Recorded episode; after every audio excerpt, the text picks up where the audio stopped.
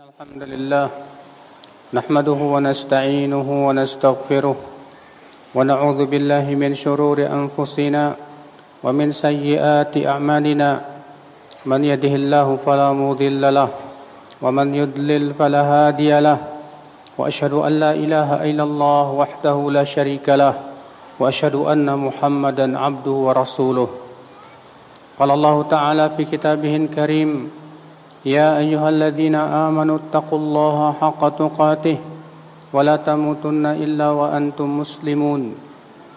وقال تعالى يا أيها الناس اتقوا ربكم الذي خلقكم من نفس واحدة وخلق منها زوجها وبث منهما رجالا كثيرا ونساء. واتقوا الله الذي تساءلون به والأرحام إن الله كان عليكم رقيبا. وقال تعالى يا أيها الذين آمنوا اتقوا الله وقولوا قولا سديدا. يصلح لكم أعمالكم ويغفر لكم ذنوبكم. ومن يطع الله ورسوله فقد فاز فوزا عظيما. أما بعد فإن أصدق الحديث كتاب الله.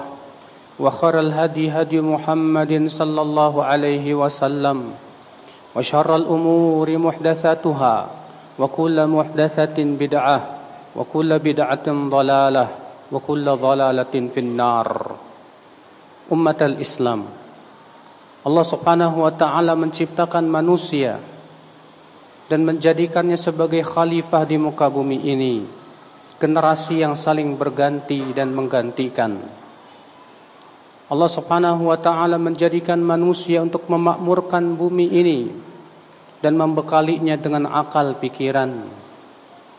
Allah subhanahu wa ta'ala menciptakan Nabi Adam dan memuliakannya dengan ilmu. Karena untuk itulah Allah menciptakan manusia di mana Allah menjadikan kemuliaan manusia itu terletak pada ilmu. Allah subhanahu wa ta'ala menjadikan Nabi Adam lebih mulia bahkan di atas malaikat karena ilmu. Lihatlah bagaimana Allah Subhanahu wa taala mengkisahkan dalam surat Al-Baqarah ketika menyebutkan bahwa Allah akan menciptakan manusia. Allah berfirman wa idz qala rabbuka lil malaikati inni ja'ilun fil ardi khalifah qalu ataj'alu fiha man yufsidu fiha wa yasfiku ad-dima' ونحن نسبح بحمدك ونقدس لك قال إني أعلم ما لا تعلمون dan ingatlah ketika Rabbmu berkata kepada para malaikat sesungguhnya aku akan menjadikan di muka bumi ini khalifah itu manusia yang saling menggantikan satu sama lainnya kemudian para malaikat berkata apakah engkau hendak menjadikan ya Allah yang ada di muka bumi ini mereka-mereka yang terus menerus berbuat kerusakan dan menumpahkan darah. Maka Allah berfirman, aku mengetahui apa yang kalian tidak ketahui. Lalu Allah mengatakan, wa'allama Adam al-asma'a kullaha. Thumma aradahum ala al-malaikah. Lalu Allah pun mengajarkan kepada Adam seluruh nama. Kemudian Allah menampakkannya kepada malaikat anbi'uni bi asma'i haula'i in kuntum sadiqin. Lalu Allah berfirman kepada para malaikat itu beritahukan kepadaku tentang nama-nama itu jika kalian menjadi orang-orang yang benar. Qalu subhanak la ilma lana illa ma 'allamtana. Mereka berkata maha suci engkau ya Allah. Kami tidak mempunyai ilmu kecuali yang engkau ajarkan kepada kami Subhanallah, bayangkan Nabi Adam alaihissalatu wassalam diutamakan oleh Allah di atas seluruh malaikat dengan ilmu. Maka Allah memerintahkan para malaikat seluruhnya untuk sujud kepada Adam. Allah mengatakan wa idh qulna lil malaikati isjudu li Adam. Dan ingatlah ketika kami berkata kepada para malaikat, sujudlah kalian kepada Adam. Maka subhanallah, ini memberikan kepada kita ya akal Islam sebuah faidah yang besar bahwa kemuliaan seorang manusia adalah terletak pada ilmu. Allah jadikan mereka untuk manusia sesuatu yang Allah tidak berikan kepada malaikat, tidak pula kepada binatang-binatang ternak, tidak pula makhluk-makhluk yang lainnya. Allah tidak jadikan malaikat untuk ilmu. Allah tidak jadikan malaikat untuk ilmu tapi untuk ibadah yang terus-menerus mereka bertasbih kepada Allah. Allah tidak jadikan binatang ternak untuk ilmu. Allah tidak menjadikan semua yang ada di langit dan bumi kecuali satu saja yaitu manusia. Manusia yang Allah turunkan kepada mereka ilmu. Allah turunkan kepada mereka ayat-ayatnya. Allah utus untuk mereka nabi-nabi dan para rasul. Karena sesungguhnya dengan itulah manusia menjadi mulia. Tanpa ilmu manusia akan seperti binatang ternak.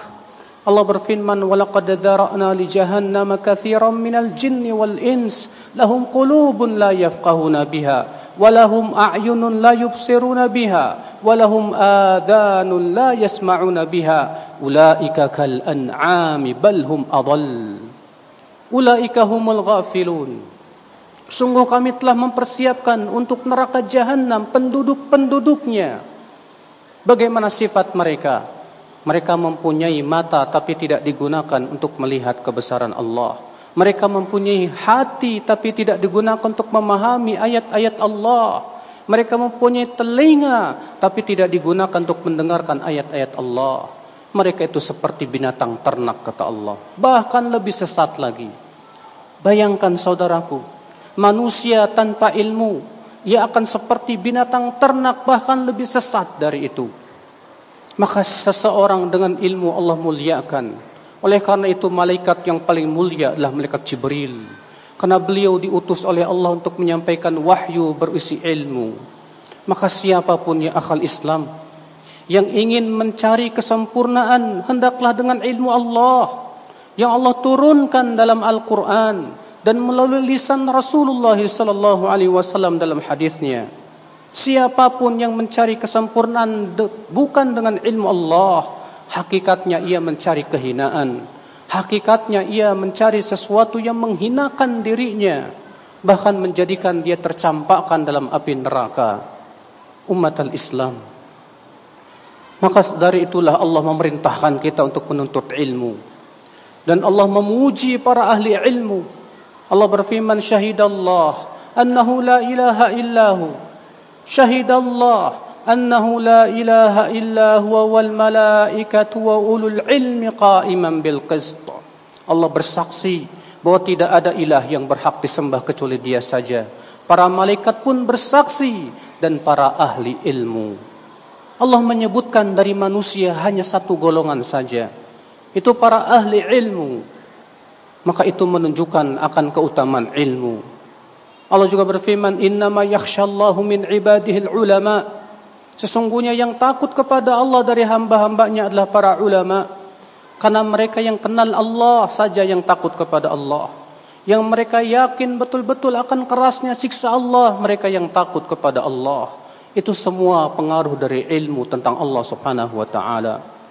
Allah juga berfirman yarfa'illahu alladhina amanu minkum walladzina utul ilma darajat Allah mengangkat derajat orang-orang yang beriman di antara kalian dan mengangkat derajat orang-orang yang berilmu di atas orang-orang yang tidak berilmu dengan derajat yang sangat tinggi sekali.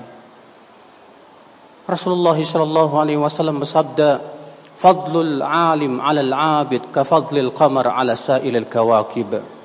Keutamaan orang yang berilmu dibandingkan dengan ahli ibadah namun tidak berilmu itu seperti bulan dibandingkan dengan bintang. Saudaraku sekalian umat al-Islam. Maka kewajiban kita, setiap kita, terutama di zaman akhir ini, yang penuh fitnah, fokuskanlah menuntut ilmu Allah subhanahu wa ta'ala.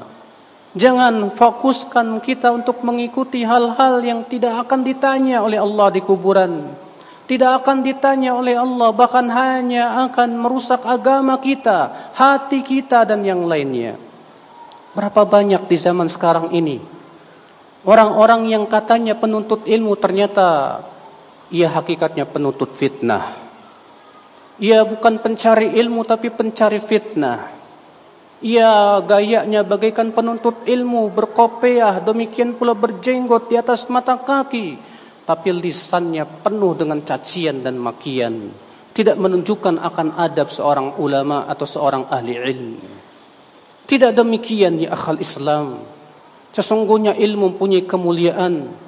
Ilmu semakin indah dan semakin mulia dengan akhlak dan adab yang luar biasa.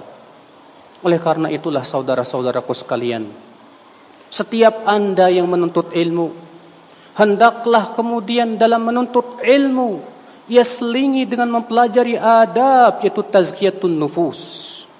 Membersihkan jiwa, pembersihan jiwa itu sangat penting bagi siapapun yang menuntut ilmu Allah subhanahu wa ta'ala.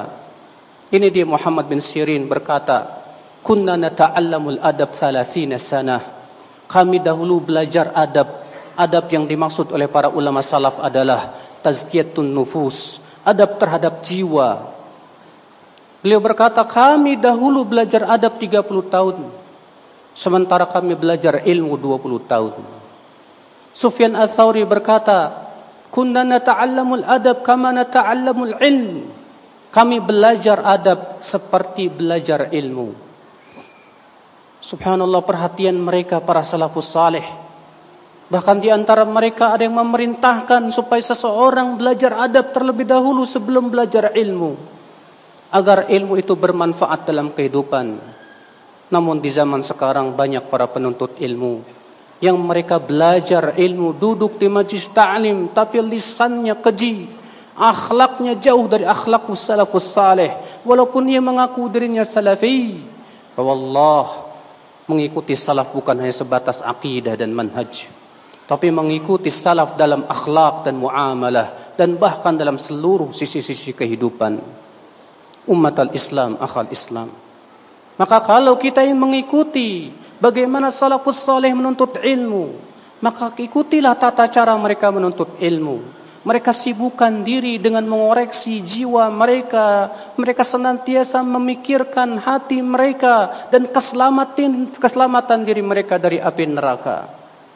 Terlebih Rasulullah sallallahu alaihi wasallam menyebutkan tentang dalam hadis Abdullah bin Amr bin Al-As di mana beliau bersabda kepada beliau, "Kaifa bika ya Abdullah idza kunta fi huthalatin minan nas?" Bagaimana engkau wahai Abdullah apabila hidup di tengah-tengah masyarakat yang telah rusak? Qad marijat uhuduhum wa kanu hakadha. Di mana amanah mereka telah rusak kata Rasulullah dan mereka seperti ini. Kemudian Abdullah bin Amr bin Al-As berkata wahai Rasulullah, apa yang engkau perintahkan kepadaku? Kata Rasulullah, ilzam baitak banyak-banyaklah tinggal di rumah. Wa khudh ma ta'rif wa da' ma tunkir. Ambil yang kamu lihat itu ma'ruf. Jauhi yang kamu lihat itu mungkar.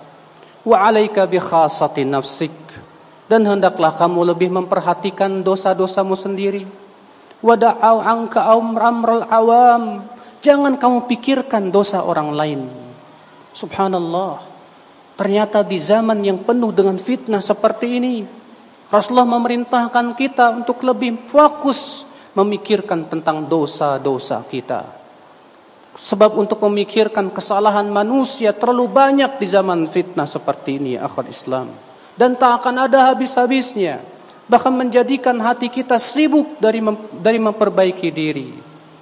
Maka ketika seorang hamba berusaha untuk sibuk memperbaiki dirinya, dia berusaha untuk membersihkan dan membenihkan hatinya ia menjadi hamba yang selamat insyaallah. Aqulu qawli hadza wa astaghfirullah li wa lakum.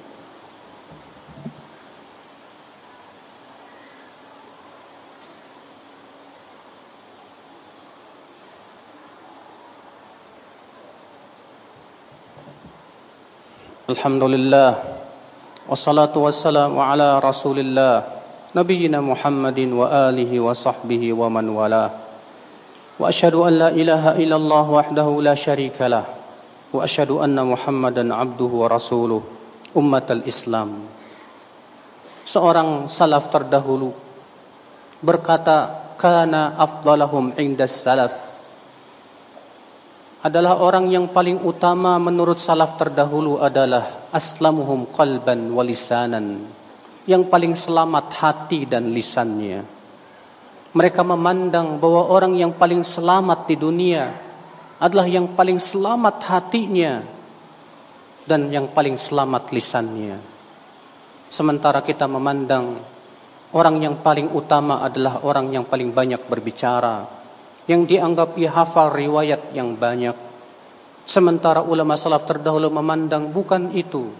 Akan tetapi yang paling utama adalah yang paling selamat hati dan lisan. Al-Hasan al-Basri berkata, Laisal ilmu bikathrati riwayah. Ilmu bukanlah dengan banyaknya riwayat yang kau hafalkan. Walakin al-khasyah. Akan tetapi hakikat ilmu itu yang menimbulkan rasa takut kepada Allah subhanahu wa ta'ala.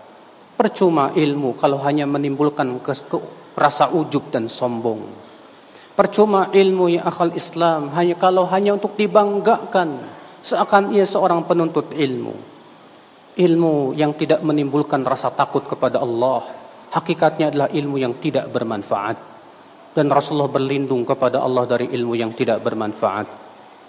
إن الله ملائكته يصلون على النبي يا أيها الذين آمنوا صلوا عليه وسلموا تسليما اللهم صل على محمد وعلى آل محمد كما صليت على إبراهيم وعلى آل إبراهيم إنك حميد مجيد وبارك على محمد وعلى آل محمد كما باركت على إبراهيم وعلى آل إبراهيم إنك حميد مجيد اللهم اغفر للمسلمين والمسلمات والمؤمنين والمؤمنات الأحياء منهم والأموات. إنك سميع قريب مجيب دعوات. فيا قاضي الحاجات. اللهم تب علينا إنك أنت التواب الرحيم. اللهم أعز الإسلام والمسلمين وأذل الشرك والمشركين يا رب العالمين. اللهم أصلح ولاة أمور المسلمين في هذا البلد وفي سائر بلاد المسلمين يا رب العالمين. اللهم أرشد شباب المسلمين ووفقهم لما تحب يا رب العالمين. اللهم تب علينا إنك أنت التواب الرحيم. عباد الله إن الله يأمر بالعدل والإحسان وإيتاء ذي القربى وينهى عن الفحشاء والمنكر والبغي. يعظكم لعلكم تذكرون. فاذكروا الله العظيم يذكركم واشكروه على نعمه يزدكم. ولا ذكر الله أكبر.